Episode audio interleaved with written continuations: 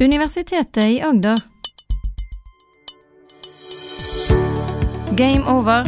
Algoritmene overtar. Tidligere så har vi snakket om eh, bildekategorisering, og vi har snakket om kunstig intelligens som kan forstå bilder. Og vi snakket mye om en konkurranse som het ImageNet, som en som heter Jeffrey Hinton vant for en stund siden.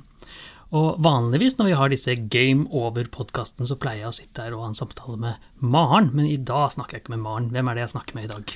I dag snakker du med Endre Grøvik. eh, En eh, litt annen bakgrunn, kanskje, enn det som eh, dere er vant med. Min bakgrunn er medisinsk fysikk og Medisinsk fysikk. bildeanalyse. Wow. Så hva betyr det? Hva gjør en medisinsk fysiker til daglig? Til daglig, ja, der er mange forskjellige områder innenfor medisinsk fysikk. Eh, Primært det jeg er involvert i, er jo, eh, er jo medisinsk avbildning, som da er både MR, MRI, eh, CT, røntgen, PET og ultralyd. Mitt spesialområde er da MR. Og MR er hvis jeg har, tror jeg har kreft, f.eks., mm, så går jeg inn i en sånn MR-maskin, er ikke det riktig? det stemmer. En stor magnetsak-type ting, er det ikke det? Det er det. Det, det som er fascinerende med, med, med kroppen vår, er at eh, den er magnetisk. Uh, kroppen Kroppen er magnetisk? må- Kroppen vår er magnetisk. Disse små hydrogenkjernene som vi har mange av, vi har jo mye vann i kroppen, Ja. og de har et magnetisk mom uh, moment som, som måte du kan du kan utnytte ved en magnetisk eller en MR-undersøkelse. Så det, kort sagt så er det en MR-undersøkelse, så sender vi inn et radiosignal ja. i kroppen vår, og så sender kroppen vår tilbake igjen et radiosignal. Og basert på det signalet så kan vi da gjenskape et ganske detaljert bilde av kroppens indre. Og så har jeg sett eh, det som ligner på røntgenbilder, men som MR-bilder, som er hjernen eh, på en eller annen måte i svart-hvitt. Så da er det MR-bilder ja, dette er det ikke det? Ja, både altså, MR-bildet og CT-bildet ligner jo uh, litt på hverandre. Ja. Uh, det som er hovedfordelen med MR, er at du får en veldig veldig god kontrast fra bløtvev. Mens røntgen og CT tradisjonelt sett er blitt brukt for å avbilde bein. Ja. Men CT-teknikken også har jo kommet en del videre der, og kan, og kan eh, ta uh, bilde av, av bløtvev, det også. Og Men og kreft er er, typisk bløtvev, Ja. er det? Ja. Det er det. Det er ikke alle områder vi kan avbilde med, med MR, spesielt områder som er i bevegelse. Men alle andre områder med bløtvev som ligger relativt i ro, der er eh, MR eh, en utrolig god eh, diagnostisk eh, metode. Ja. Og da er det radiologer og sånn som jobber med dette ofte, er det ikke det? Som ser på de. Det, ja, det er det. Det er et veldig eh, multidisiplinært eh, fagområde. Der er både radiologer, selvfølgelig, som, eh, som ser på bildene, tolker dem. Det er radiografer som tar bildene, som sitter og styrer magneten. Du har jo masse teknisk personell, ingeniører, som, som jobber med å, å gjøre at magneten fungerer som den skal. Og så er det oss fysikere, som jeg liker å se på som et mellomledd okay. mellom disse tre faggruppene. Vi eh, kan fysikken eh, bak eh, det som, som måtte skape selve signalet som vi ser i et MR-bilde. Og hvor ser du for deg disse kunstig intelligens-algoritmene kan komme inn her? Har de en plass i, i ditt fagfelt, tenker du? Det har det absolutt. og vi har jo sett det nå de siste ja, to åra, kanskje spesielt spesielt siste året, at kunstig intelligens det har vært hovedfokuset på alle våre store konferanser. Ja. Um, vi har vel aldri sett uh, og det, det, nå, er- nå har ikke vært i fagområdet så veldig lenge, jeg har vært i det i litt over ti år. Men selv de mest erfarne uh, MR- og medisinske fysikerne i Norge sier at de aldri har sett en slik uh, eksplosjon av et tema innenfor vårt fagområde før.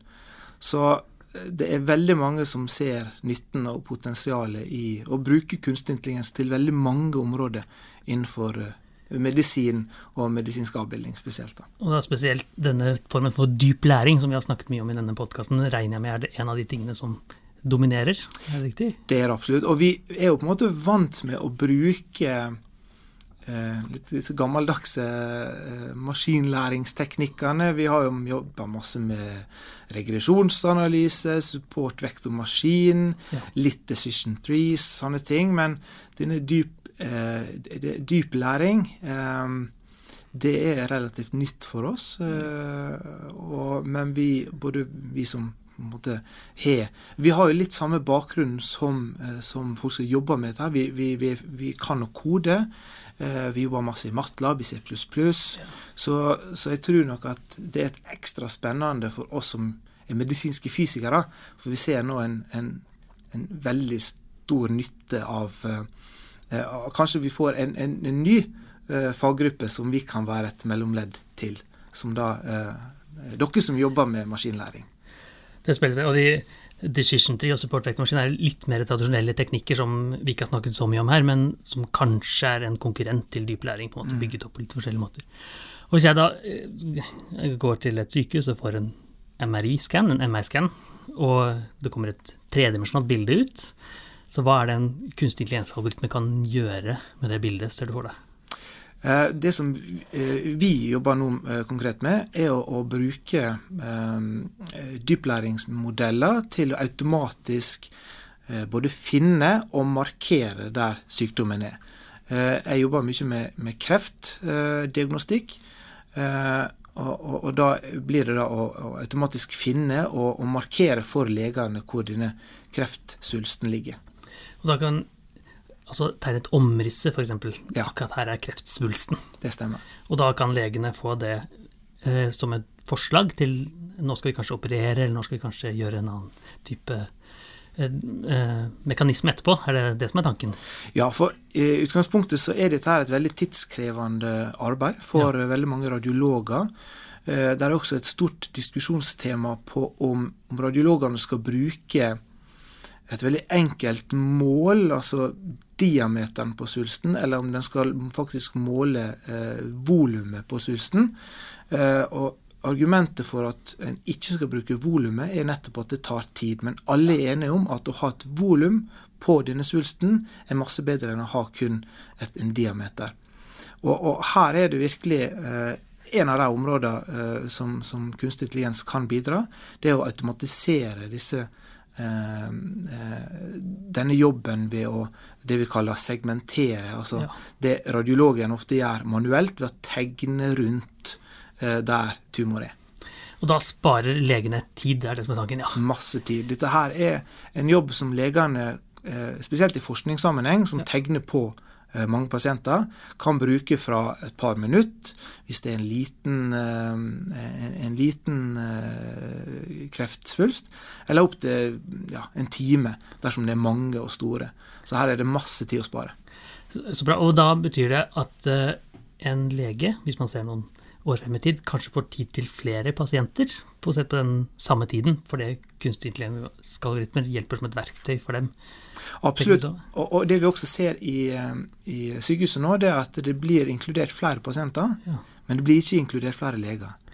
Så det blir kortere tid, eh, og, og, det er ofte det som er problemet. Ikke kapasiteten på maskinparken, kanskje, men kapasiteten på antall hoder som skal sitte og tolke disse bildene.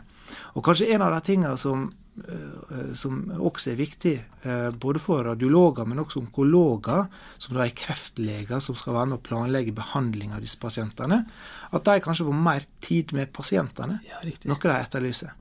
Så i dag så er det sånn at antall leger er konstant, også, men antall pasienter går opp. Det, det, det, ja, da... ja, det øker ikke i samme Det er ikke samme forhold eh, det øker i. Eh, og det er et, lite problem. Og Der også kan absolutt kunstig intelligens bidra til å utjevne uh, den forskjellen. Men hvor god er disse algoritmene? Kan det være sånn at man erstatter legene totalt, tenker du, disse kreftlegene? Uh, det er nok mange leger som er litt skeptiske og litt redd for disse nye teknikkene. Uh, men det vi ser, er jo at disse dyplæringsmodellene er veldig gode. De er veldig nøyaktige. Eh, spesielt på, på, på, kreft og på å segmentere organ.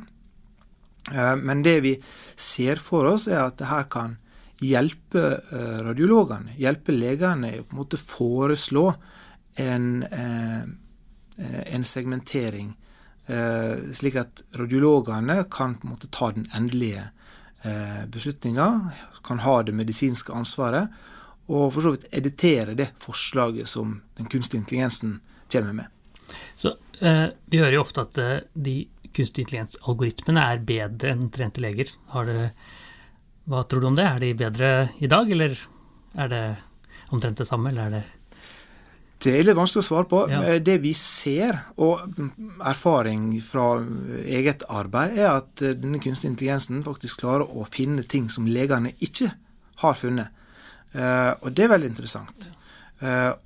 Men det vi også ser, er at det ligger Der det før var lavere nøyaktighet, ser vi i dag at det har lik, eller også til og med høyere nøyaktighet enn det erfarne leger har.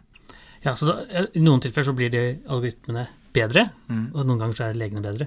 Men hva med samarbeid? da? Kan man se for seg at eh, legene kanskje eh, får forslag? Det er vel kanskje det du sa i stad, får Mm. forslag. Og, men hva, uh, er, er det det mest fornuftige scenario? Tenker du at algoritmene først gjør forslag, og så legene fikser etterpå?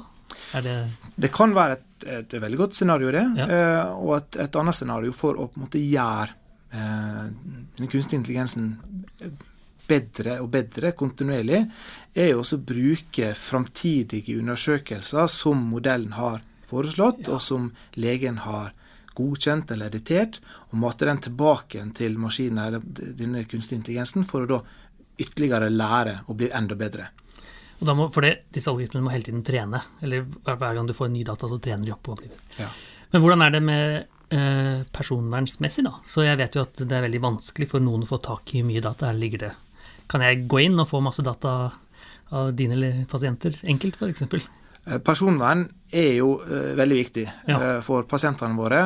Og eh, vi eh, har en rekke retningslinjer som vi må følge. Vi lagrer dataene våre på sikre databaser. Så bra. Eh, Men så er vi også blitt veldig flinke til å anonymisere eh, dataene våre, slik at en person, hvis det nå skal skje at det skal falle i feil hender, så vil ikke den personen ha mulighet til å identifisere eh, den pasienten. Eh, Det betyr at vi fjerner all informasjon om personnummer, tidspunkt for når undersøkelsen er gjort, hvor undersøkelsen er gjort. Og for eh, undersøkelser av hodet, så fjerner vi også eh, det området som kan eh, avsløre hvordan ansiktet ser ut. Så vi gjør en, en såkalt eh, brain extraction, eller en defacing, hvor vi på en måte fjerner de pikslene i bildet som kan brukes til å gjenskape ansiktet. Så vi, eh, vi, vi har veldig mange retningslinjer å følge. Eh, og gjør vi det, og får en god avtale med våre samarbeidspartnere, så har vi mulighet til å dele dataene. Så eh, Man sier jo ofte at eh, data er nye oljen eller nye valutaen, eller det er veldig veldig viktig i, vår, eh, i vårt felt, kunstig intelligens-feltet, for det er jo det vi dytter inn i algoritmene.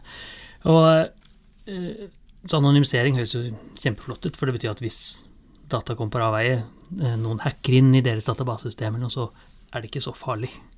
Du ser noen eh, tumor, du ser noen kreftsvulster, men du ser ikke. Du kan ikke si at det er meg som har vært inne og sjekka kreft, f.eks. Mm. Eh, og da er det Men tenker du at du mister noe data når du gjør den typen anonymisering? Kan det være noe som forsvinner, som du ser på som relevant, eller? Det kan absolutt være noe som forsvinner, for vi tar jo eh, og ekskluderer datapunkt. Ja. Eh, I vårt tilfelle, som da har jobba med eller mitt tilfelle, som har jobba med å automatisk detektere og segmentere hjernemetastase, altså metastase er da kreftvev som har spredt seg til hjernen fra andre eh, kreftsykdommer, eh, så har vi sett at det å eh, ta bort alt annet vev enn hjernevevet, faktisk økte nøyaktigheten. For vi er jo ikke interessert i eh, informasjon som er utafor hjernen når vi skal finne hjernemetastase. Eh, men i andre tilfeller så tror jeg absolutt at en skal være forsiktig med hva en tar bort, og at en kan da ta bort informasjon som er relevant for modellen. Jeg tror du viste et eksempel tidligere hvor eh, algoritmen hadde kategorisert øyeeple som en kreftsvulst. Ja. Og er øyeeple noe du fjerner fra når du gjør anonymisering? Dersom du gjør en enkel fjerning av ansiktet, Ja. så er ikke det alltid vi fjerner øyeeplet. Eh, Men dersom vi gjør en, en, eh, og og tar ut kun hjernevevet, så vil jo da øyet som regel forsvinne. Men det er jo ikke alle av eh, disse modellene som vi bruker for å fjerne alt annet, er like gode, så av og til så kan deler av øyeeplet også komme med. Men dersom en modell eh, foreslår at øyeeplet er en metastase, så er det ganske enkelt for radiologen å, eh, å se at, hva det er. Og Der også er det dette her med, med, data, som du sier at det er den nye olja. Har du mm. masse data med mange øyeepler, som da modellen til slutt skjønner ikke er en tumor eller en kreft, mm -hmm. så vil ikke det være et problem lenger. For Det er et veldig fascinerende eksempel. for det, vi, Noe som blir ofte sagt, er at algoritmer gjør ikke feil. Men det er jo veldig feil, for de gjør veldig ofte feil. Men de gjør ofte feil som ikke vi trodde kunne være feil. Så Eksempelet med øyeeple. Så selv jeg som ikke har noen medisinsk bakgrunn, vil jo skjønne at dette er ikke kreft, mm. dette er øyeeple. Og ser du noen andre sånne type feil som disse algoritmene typisk gjør, da, som en lege veldig veldig enkelt sier at dette er eh, banalt for noen algoritme? Det vi, vi har sett i, i, i vårt arbeid, eh, for, for, det som er spesielt med med kreftvev generelt når vi bruker MR, mm. og spesielt når vi bruker da, eh, et kontrastmiddel som på en måte øker signalet i sykt vev, eh, så ser vi da en økning av, av, denne signalintensiteten, men det gjør vi også i andre områder i hjernen. Eh, en av de plassene hvor vi ser signaløkning, er jo i blodårene. For det er jo gjennom blodårene at dette kontrastmiddelet blir frakta rundt i kroppen. Så vi har sett tilfeller at eh, modellen tror at det er en kreftvev eller en kreftsvulst, men egentlig så er det en, en blodåre. Og det er også noe radiologene enkelt kan, kan avfeie. Så da er det et samarbeid her som egentlig er styrken? Da er det et samarbeid, ja. Og, og der også tenker vi at har vi nok data, så vil modellen til slutt skjønne at det her er blod, eh, blodåre, eh, og ikke eh, et kreftvev. Så Vi har snakket mye om hjernen, svulster i hjernen. Er det andre steder hvor du ser for deg disse algoritmene kan brukes? Er, gjelder det for alle typer kreft? Jeg tror nok at Har du en, en god eksempel, segmenteringsmodell, da, ja. så er synergieffekten enorm her. Eh, den modellen vil jo kunne måtte kjenne igjen mønster. Eh, og, og, samme mønster kan du ha i, i kreftvev i andre områder i kroppen. Eh, det som ofte er utfordringa vår Eh, med MR, er jo at ting beveger seg. Mm. Det å ta et MR-bilde tar lang tid. Eh, og en av de områdene som beveger seg minst, er hjernen. Så det er et veldig fint område for oss å teste disse eh, modellene på. Men det finnes andre eh, studier som har testa kunstig intelligens for å finne og markere både eh, endetarmskreft, lever, metastase, altså kreft som er spredt seg til lever, brystkreft osv. Så. Eh, så potensialet for andre eh, områder, og, ikke bare kreft, men også å segmentere eller finne og markere forskjellige organ, eh, kan, kan, også brukes med, kan også gjøres med kunstig intelligens. Det er veldig spennende, for i Norge så er vi jo veldig privilegert. Vi er heldige med et godt helsevesen. Men jeg regner med at disse MR-maskinene er svindyre, skulle jeg tro, da. Eh, men som ikke er tilgjengelig i andre eh, land, i litt fattigere land kanskje, så kan det være manko på slik utstyr. Og hvis man da tror du det kan være sånn at man f.eks. kan ta litt eh, røntgen noen steder og få hjelp til diagnostisering uten lege i et land hvor det ikke er tilgang til lege på den måten. Jeg vet at En sånn MR-maskin kan man ikke sende ut i hvor som helst, men kanskje man kan ta noe litt enklere utstyr som er litt billigere. Og ikke få en like god eh, diagnose som legen, men kanskje få hjelp litt på veien av en sånn type algoritme? Det tror jeg absolutt. Uh, ofte problem i, i u-land er at det finnes ikke like gode register ja. som, uh, som, det er i, i f.eks. Norge. Så hvis du har en pasient innom i et u-land eh, for å gjøre en type undersøkelse, og du ikke får svaret ganske fort, så vil den pasienten forsvinne. Eh, du vil ikke finne den igjen. Eh, like enkelt som i Norge, i hvert fall. Et godt eksempel på det er et arbeid som, som Google har gjort. Som jeg var og, og, og fikk det presentert for ja, et halvt år siden. Der har de gjort bilde, tatt bilde av retina, et retinascan. Mm -hmm. um, det er i øyet et sted, er det ikke det? Det er i øya. Ja. Ta et enkelt uh, med mye billigere kamera enn det en MR-maskin er. Um, av pasienter som har diabetes. Og diabetespasienter står ofte i fare for å miste synet. Mm. Dersom de gjør det, slik jeg har skjønt så er det en ganske ukomplisert behandling. Det er en sprøyte, og i mange tilfeller vil du da redde synet til den pasienten. Um, og Google gjorde et undersøkelse hvor de brukte bilder fra u-land. Disse bildene ble ofte sendt ut av landet for å bli tolka som noe som kunne ta en to-tre dager.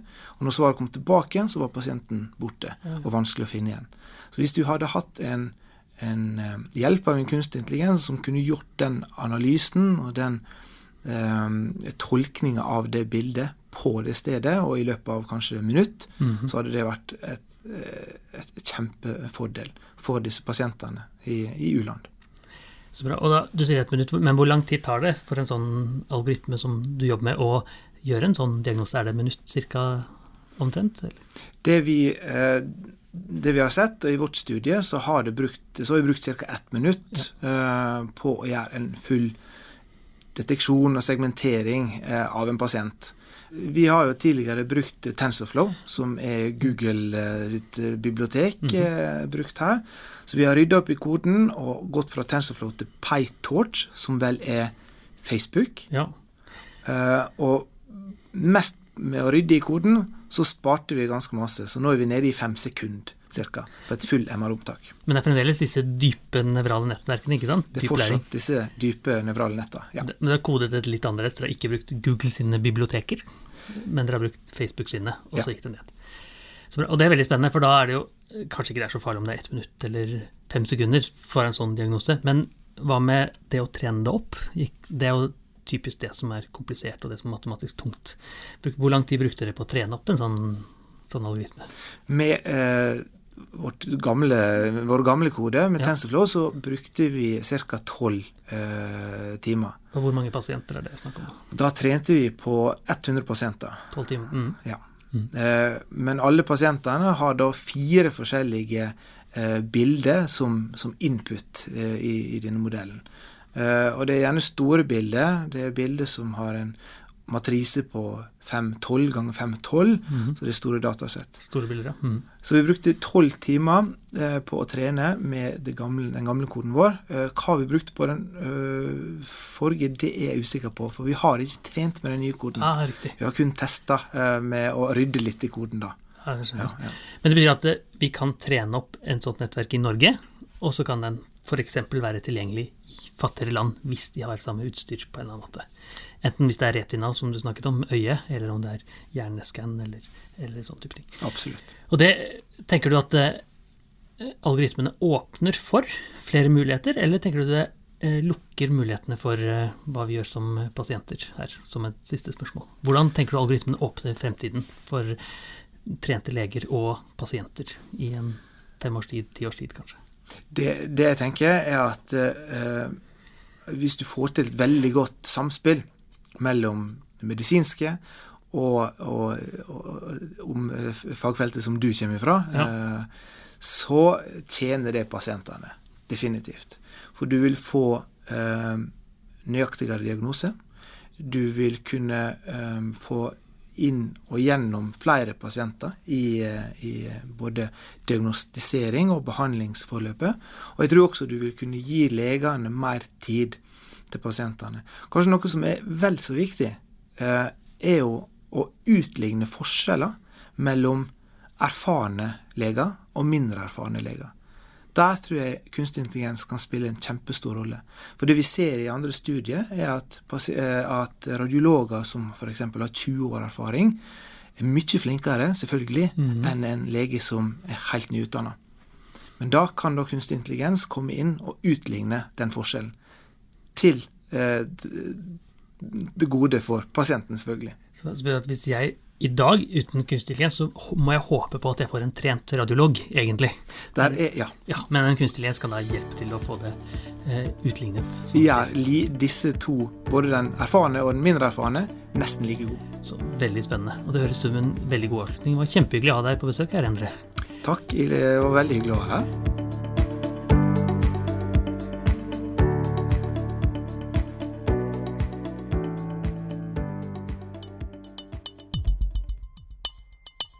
Har nå hørt en podkast fra Universitetet i Agder. Du finner flere podkaster fra UiA på uia.no podkast.